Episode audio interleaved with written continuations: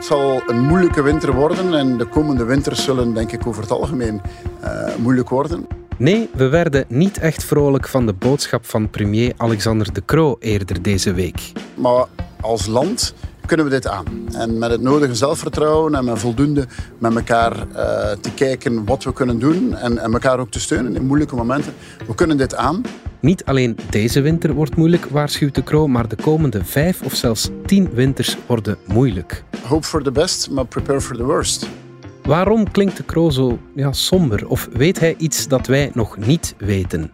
Het is donderdag 25 augustus. Ik ben Alexander Lippenveld en dit is vandaag de dagelijkse podcast van de Standaard.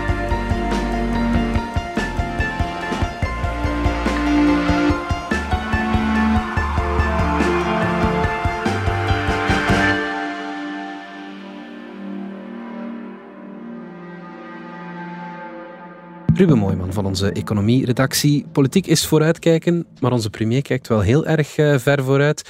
De komende vijf of tien jaar zelfs worden moeilijk. Dat is niet om vrolijk van te worden. Nee, ik vraag me af hoe hij dat weet. Want ja, tien jaar in de toekomst kijken is inderdaad wel heel erg ver. Zelfs zo'n Madame Soleil is dat. Uh, ja, absoluut. Nu, aan de andere kant kun je natuurlijk wel zeggen dat het er niet echt heel gunstig uitziet. Als je naar de markten kijkt waar uh, gascontracten worden verhandeld, dan zie je wel dat in elk geval voor de komende jaar uh, de prijzen heel hoog blijven. Dus in die zin heeft hij wel gelijk dat dit niet een, uh, een crisis van korte duur is, maar dat we ons wel moeten voorbereiden op een uh, lange periode van hoge energieprijzen. Ja. Ik denk dat hij ook wil zeggen dat we um, ons moeten voorbereiden in die zin dat we minder afhankelijk moeten worden van fossiele energie. Dat we, dat we de energietransitie moeten versnellen. Mm -hmm. um, en dat dit gewoon in het algemeen een, een, moeilijke periode wordt voor heel Europa. Ja, ja, ja, misschien toch eerst even zeggen, waarom gaan we nu naar zo'n moeilijke winter? Wel, ja, omdat de, de gasprijzen heel hoog zijn. Uh, dan zal je vragen waarom zijn ze heel hoog? Ja, dat heeft verschillende oorzaken. Eigenlijk is het een soort perfecte storm waarin een aantal elementen elkaar versterken. De kern van de zaak is natuurlijk het herstel van de economie na de coronacrisis, waarin eigenlijk sneller dan verwacht alles weer op gang is gekomen. -hmm. Waardoor de vraag naar energie steeg, terwijl er eigenlijk niet zoveel was geïnvesteerd in gaswinning, waardoor ja, het aanbod de vraag niet onmiddellijk kon volgen. Ja. En ik weet niet of je het je nog kan herinneren, maar eigenlijk in de herfst van vorig jaar stegen de gasprijzen echt al behoorlijk. Ja, um, ja, en toen kwam natuurlijk die oorlog er nog uh, bovenop, uh, met alle problemen van dien. Uh, Rusland die uh, ja, de gastoevoer naar Duitsland heeft verminderd. Mm -hmm. uh, ook de sancties die we zelf hebben ingevoerd, wat de schaarste aan gas eigenlijk nog heeft versterkt. Mm -hmm.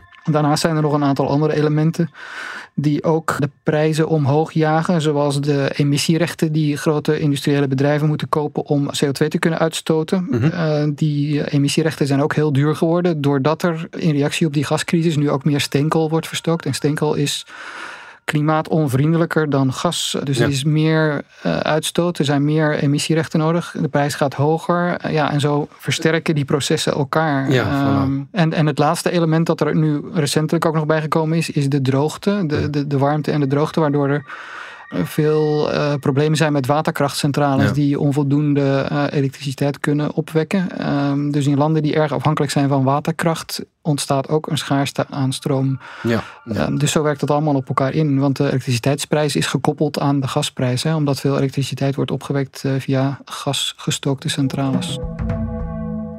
Wim Winkelmans van onze politieke redactie. Vijf tot tien moeilijke winters, zei de Kroo. Ruben zei al dat hij uh, ja, dat op zich nog niet kan weten of het nu vijf of tien of twintig moeilijke winters zullen zijn. Waarom is de premier dan zo somber dat hij al ja, tien jaar vooruit kijkt? Ja, misschien was het uh, een slip of de tong, want hij heeft het ook niet meer herhaald voor de camera. Ja, ja, ja. Um, misschien uh, verwees hij ook naar de energietransitie, die inderdaad nog iets langer duurt. Mm -hmm. Of misschien heeft hij gewoon willen waarschuwen dat het nog wel echt slecht kan gaan en dat we ons moeten uh, erop voorbereiden. Hè? Brace for impact. En dat is dan natuurlijk geen slecht idee om daarvoor te waarschuwen. Want ja. wat, we, wat er nu op ons op afkomt is werkelijk ongezien. Ja. Was het misschien een boodschap aan zijn uh, coalitiepartners? Ja, wie weet. Misschien um, was het in tijden van crisis dat een, een regering aan elkaar moet hangen en een in, sterk beleid proberen te voeren. Misschien wil hij dat zeggen. Mhm. De vraag is natuurlijk of deze regering daartoe nog in staat zal zijn. Ja, ja, ja, absoluut. Gezinnen lijden natuurlijk enorm onder die hoge prijzen. Ruben, je schreef dinsdag in de krant dat huishoudens met een gemiddeld verbruik nu jaarlijks maar liefst 6500 euro meer kwijt zijn aan hun energieleveranciers dan een jaar geleden. Dat is een gigantisch bedrag, maar ook de bedrijven voelen dat. We luisteren even naar Hans Maartens van de Vlaamse werkgeversorganisatie VOCA. Heel uh, veel uh, reacties vanuit onze bedrijven. Er is heel groot ongerustheid. Uh, vooral over natuurlijk de energieprijzen en de gasprijzen. Die gasprijzen die stijgen verder, tekorten wat de bevoorrading betreft van energie. En we vrezen zelfs dat bepaalde bedrijven op termijn de productie zullen stilleggen. Ja, Ruben, het zijn heel moeilijke tijden. Productie die stilgelegd moet worden. Ja, inderdaad wel. Ik heb net uh, wat, wat bedrijven ook aan de telefoon gehad. En die zeggen inderdaad allemaal, wat Hans Maartens ook zegt, dat het een zeer moeilijke tijden worden. Uh... En wat voor bedrijven zijn dat dan? Heel uiteenlopend. Uh, dat gaat van BASF, een van de grootste industriële bedrijven van het land, tot kleine zelfstandige bakkers, uh, wasserijen. Ehm, ja. uh, alle bedrijven die veel gas gebruiken, ja, die hebben het nu heel moeilijk. dat, dat kan je in zijn algemeenheid zeker stellen. Ja. Ja. Ja, ja. En zijn er al voorbeelden van bedrijven die nu al hun productie hebben stilgelegd? Wel, ik denk niet dat dat op heel grote schaal gebeurt, maar het gebeurt wel. BASF zelf is een voorbeeld ervan. Die heeft zijn ammoniakproductie teruggeschroefd. Um, dat heeft ermee te maken dat um, ammoniak is een grondstof voor de, voor de chemische industrie, onder andere voor kunstmestproducenten. Uh, ja. En dat wordt gemaakt van gas. Dus gas is daar niet alleen een energiebron, maar ook gewoon een grondstof voor het maken van, ja. uh, van, van, van het eindproduct. Ja, ja, um, en het, het punt is dat dat nu in het buitenland eigenlijk goedkoper kan gebeuren dan in Europa. Dus eh, bedrijven die ammoniak nodig hebben, die voeren het gewoon in uit Amerika of uit Azië.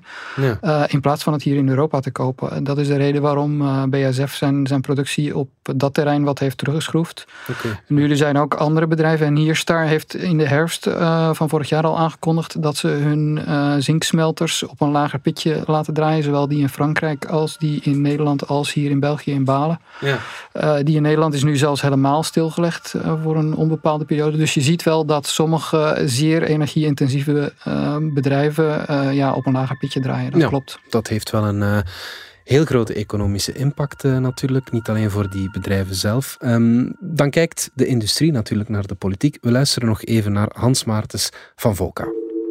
Europa, de Europese gemeenschap, laat toe uh, om eigenlijk een staatssteun te geven voor die bedrijven die zwaar energie-intensief zijn en die door die energieprijzen verlies lijden. Dat kan, we dringen er bij de regeringen op aan om dit systeem grondig te bekijken, die mogelijkheid te bekijken, zodanig dat er toch een steun kan gegeven worden aan uh, die bedrijven. We stellen vast dat dit al gebeurt in Duitsland, al in Frankrijk, waardoor dat onze bedrijven eigenlijk in een concurrentieel nadeel zitten ten opzichte van die andere bedrijven. Wat wil VOCA dat de, de regering concreet doet? Ja, dat heb ik ook even nagevraagd uh, bij VOCA. En ze hebben mij een, een, een lijstje opgestuurd, uh, zeer uh, informatief. Ja.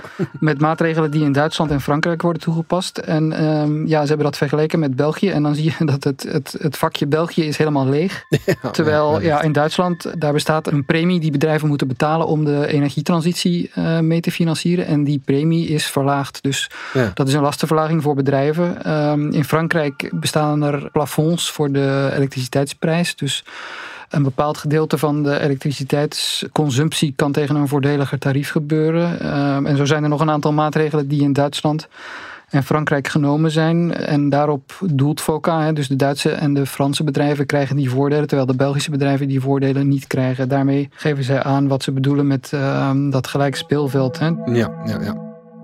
Wim, heeft de politiek oren naar die oproep van FOCA? Dat dossier ligt op tafel, maar er is geen akkoord over duidelijk. Mm Eigenlijk was het voor de zomer hè, was al gezegd van kijk, bedrijven hebben tijdens de coronacrisis al geweldig veel geld gekregen.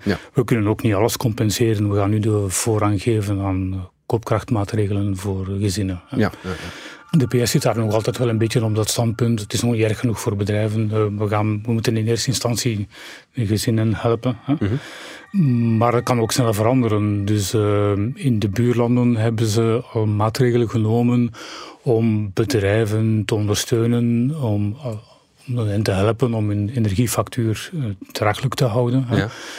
Als wij dat niet doen, dan, ja, dan trekken we eigenlijk uh, de concurrentie scheef. Uh, Dan uh, gaat de situatie van onze bedrijven alleen maar van kwaad naar erger. Dus ik kan mij wel inbeelden dat dit soort dossiers op tafel ligt en dat men zal proberen om dat gelijke speelveld te herstellen. Ja, ja, ja oké. ja. De industrie, vooral de grote verbruikers natuurlijk, die vragen om een hervorming van dat emissiehandelssysteem, dat Europese systeem om uitstootrechten te verhandelen. Ja, moet dat gebeuren? Is dat iets wat op tafel zou kunnen liggen? Dan heb je het over de ETS-prijzen. Die waren al wel redelijk gestegen nog voor uh, de energiecrisis uitbarsten. Die zijn sindsdien nog gestegen. Hè. Dus uh, ik denk al ongeveer van 60 naar 100 euro per ton CO2 zijn gegaan mm voor het voorbije jaar of zo. Mm als je dat doet, je moet altijd kijken wat was de doelstelling van dat ETS-systeem. Dat is namelijk om bedrijven aan te moedigen om te investeren in klimaatvriendelijker uh, productie. Ja. Je kunt dat tijdelijk doen, maar je mag nooit het doel uit het oog verliezen. Uh, want dan, uiteindelijk zou je dan in een situatie komen waarin dat we fossiele brandstoffen toch weer aantrekkelijker maken. Terwijl die net zo, uh, zo duur zijn op dit moment. Is het ergens, los van die klimaatopwarming nu, niet geruststellend dat alle landen van Europa in hetzelfde bedje ziek zijn? Dat we niet alleen staan in onze miserie, zeg maar? Ja en nee. Um, enerzijds klopt het dat die energieprijzen voor in heel Europa hoog zijn. Hè. Dus uh, ook in Duitsland, Frankrijk, uh, zelfs in, in, in Scandinavië en Spanje door die problemen met de waterkrachtcentrales. Maar aan de andere kant is het probleem vooral dat um, dit een Europese kwestie aan het worden is. En dat bijvoorbeeld in de Verenigde Staten de energieprijzen helemaal niet zo sterk stijgen. In Azië evenmin. Dus ja, Europa is opeens heel duur aan het worden uh, voor industrie. Terwijl elders in de wereld um, ja, die prijzen in veel mindere mate aan het stijgen zijn. Dus dat, dat is wel een probleem, dat Europa zich als continent uh, zeg maar uit de markt aan het prijzen is. En bovendien zie je ook wel, zoals Foka aangeeft, dat niet alle Europese landen er op dezelfde manier op reageren. Dus ja, er is weinig Europese eenheid ook in de manier waarop dit wordt aangepakt. Ja, ja, ja. Als alles duurder wordt, Ruben, dan moeten er toch ook mensen zijn die... Uh hier net beter van worden. Wie zijn dat zoal? Ja, dat staat regelmatig in de kranten. Onlangs uh, was er nog het nieuws dat uh, Noorwegen enorme eh, sommen geld incasseert met de verkoop van gas. Ja, dat was het 1000 euro per burger meer per maand? Ja, ja per, per week. Ja. Dus, per dus per Noor wordt daar 1000 euro verdiend aan de, aan de gasexport. dat klopt, ja. En uh, ja, Midden-Oosten ook. En daar was ook nieuws dat Aramco, het oliebedrijf, dan hebben we het wel over olie, 65 miljard dividenden heeft uitgekeerd aan de Saoedische overheid. Dus ook daar klotst het geld tegen de plinten, zoals mijn collega het um, zo mooi omschreef. Ja. Uh, dus dat is heel helder. De, de gasproducenten die worden er uh, rijker van. Anderzijds ook ja, de, de bedrijven die het gas oppompen en vervolgens weer verkopen. Ook natuurlijk. Hè. Shell, Total Energies, ExxonMobil. Ja. Ze hebben allemaal recordwinsten neergezet. Dus daar wordt ook heel veel geld verdient, dat vervolgens weer naar de aandeelhouders terugstroomt. Ja, ja, ja. En de tradingbedrijven verdienen ook veel geld. Hè? Dus die voor grote ondernemingen zorgen dat ze de beste deals kunnen maken. Ja, daar wordt ook heel veel geld verdiend. Bijvoorbeeld Gunvor, een, een bekende trader, die had zijn winst verdrievoudigd, uh, denk ik, in het eerste kwartaal. Ja. Dus ja, er zijn zeker ook partijen die hier dik geld aan verdienen. Dat klopt.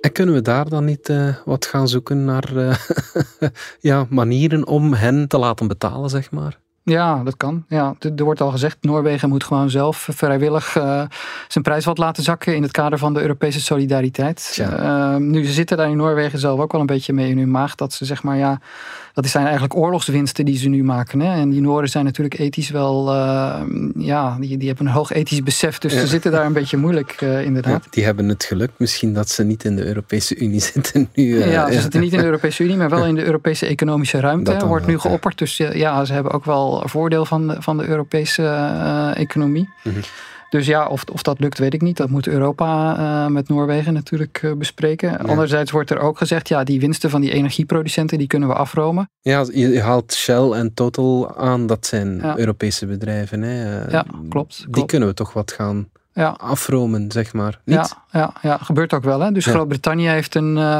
windfall tax, zoals het heet, uh, in het leven geroepen. Dus ja, Shell is nu een uh, Brits bedrijf. Dus die zullen dat moeten betalen. Ze gaan dat ook doen. Eh, maar goed, ze maken zo ontzettend veel winst dat zelfs die windfall tax uh, ja, is maar een klein deel van de extra gelden die ze nu binnenkrijgen.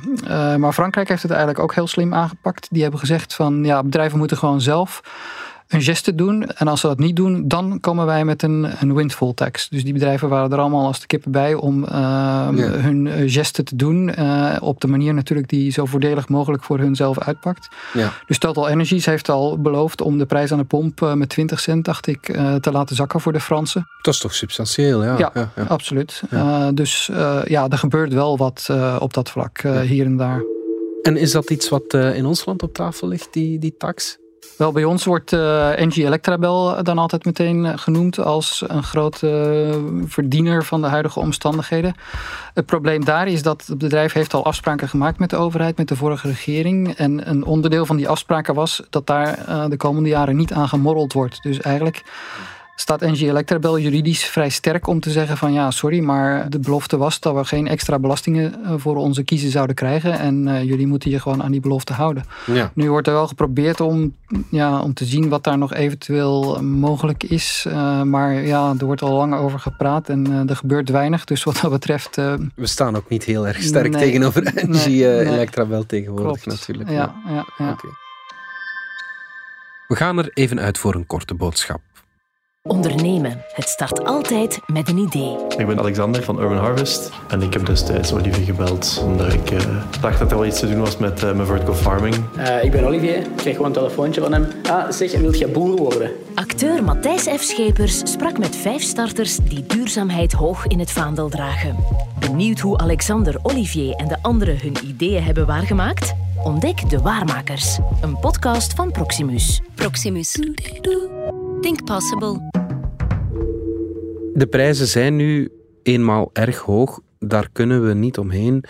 Valt er eigenlijk iets aan te doen, Wim? Of moeten we er gewoon mee leren leven? Er zijn verschillende oorzaken voor deze prijsstijging. Je hebt natuurlijk de, de geopolitieke spelletjes van Poetin, die zeer belangrijk zijn. Gekoppeld uh, aan het uh, Duitse model, die heel erg afhankelijk waren van het Russische gas, wat nu duidelijk ingestort is. Hè. Mhm. Dus uh, dat bleek een vergissing te zijn achteraf. Mhm. Je hebt natuurlijk ook de grote problemen in Frankrijk met de kerncentrales, waardoor zij heel erg afhankelijk zijn van fossiele brandstoffen, ook uit andere landen. Mhm. Fossiele brandstoffen die dan ook uh, peperduur zijn, et cetera. Dus dat zij, wordt een zichzelf voedend systeem. Dit is alleen maar te duiden als een collectieve verarming. Hè. Ja, ja. Uh, kan de overheid dit corrigeren. Ik denk dat we dat stadium al lang voorbij zijn. We hebben dat dit voorjaar geprobeerd met een btw-verlaging, ja. met premies uit te delen, et cetera. Dingen die in een maar, vingerknip ongedaan voilà, maar zeker die btw-verlaging. Ja. Op een bepaald moment eh, ging ze in en net op dat moment stegen de prijzen weer zo dat het effect zero was. Ja, ja. En bovendien zijn de cijfers nu zo hallucinant hoog. Mm -hmm dat we nou ja, niet anders kunnen dan erkennen dat een overheid dit niet kan oplossen. Hè. Ja, ja. Zij, zij, kan er niet voor zorgen dat wij kunnen energie gebruiken alsof er niks aan de hand was. Ja. Alsof dat al een juiste keuze zou zijn. Mm -hmm. Moet een overheid dan niet eerder mensen stimuleren om te gaan besparen en daar geld in steken? Want dat heeft natuurlijk een effect op dat op lange termijn, ook als de prijzen gedaald zijn. Uh, ja, dat uh, is zeker een optie. Natuurlijk heb je altijd mensen die als de regering of de overheid iets voorstelt, die het dan zeker niet gaan doen. Ja. maar ze moeten gewoon maar eens kijken naar hun eigen dossier. Elke situatie is anders, ik besef dat. Uh -huh. Maar in vele gevallen ligt het zo voor de hand wat je kunt doen. Ja. Alleen zijn we intussen al wel straks september. Hè. Mm Het stookseizoen is niet zo lang meer, dus als je nog iets wil doen, dan mag je daar echt niet lang mee wachten. Want ja, dus die aannemers eh, die uw huis willen isoleren, ja. of die installateurs van zonnepanelen, die hebben, weten echt wel goed wat doen hoor. Ja, ja, ja absoluut. Ja, ja. In Frankrijk bevriezen ze de prijzen gewoon zo. Dat kunnen we toch ook niet doen? Uh denk ik. Hè? We, we, hebben het al eens een keer gedaan, uh, tien jaar geleden, ah. onder Van der Lanotte. Uh, maar dat was nu niet bepaald een succes. Mm -hmm. Want toen we de prijs loslieten, sprongen die opnieuw met een sprong omhoog. Hè. Mm -hmm. dat is een, de situatie was anders, hè. maar ze sprongen toen echt een, een hele sprong vooruit. Mm -hmm. Wij zijn niet zoals Frankrijk. In Frankrijk uh, hebben ze besloten, van kijk, we gaan de prijzen onder controle houden. Maar zij kunnen dat omdat zij een bedrijf in handen hebben dat de markten daar domineert, namelijk EDF. Ja. EDF moet dan ook wel de factuur dragen daarvan. Hè? Ja, ja, ja. Dat bedrijf staat op de rand van het failliet eigenlijk. Omdat eh, ja, die prijzen mogen niet stijgen, maar die prijzen stijgen wel. Ja. En bovendien zit EDF dan ook nog in grote problemen met zijn eh, nucleaire parken enzovoort. Ja, ja, ja. Dus eh, België heeft niet zo'n eh, één groot energiebedrijf in handen Mhm. dat het naar zijn hand kan zetten. Hè. Dus wij zijn geliberaliseerd. Hè. En eh, de prijzen worden hier helemaal via de markt bepaald. Ja, ja. En wat je ook doet, vroeg of laat, eh, komt de factuur altijd wel bij de belastingbetaler terecht. Voilà, Ja. ook in Frankrijk trouwens. Ja, Ja. ja. Tot slot, Wim, kleine voorspelling. Zal dit dossier het najaar, het politieke najaar en ver daarna domineren, denk je? Ja, absoluut. Oké. Daar bestaat geen twijfel over. Nee, nee helemaal niet. Oké, goed. Wim Winkelmans, dankjewel. Dit was vandaag de dagelijkse podcast van De Standaard. Bedankt voor het luisteren. Volg ons op Spotify, Apple Podcast of eender welk ander podcastplatform. In onze gratis FDS-podcast kan je niet alleen ons werk beluisteren, maar ook de beste podcasttips voor op vakantie of ergens onderweg. Met zorg geselecteerd door onze redacteur Max de Moor. Alle credits van de podcast die je net hoorde vind je op standaard.be-podcast. Reageren kan via podcast.standaard.be. Morgen zijn we opnieuw.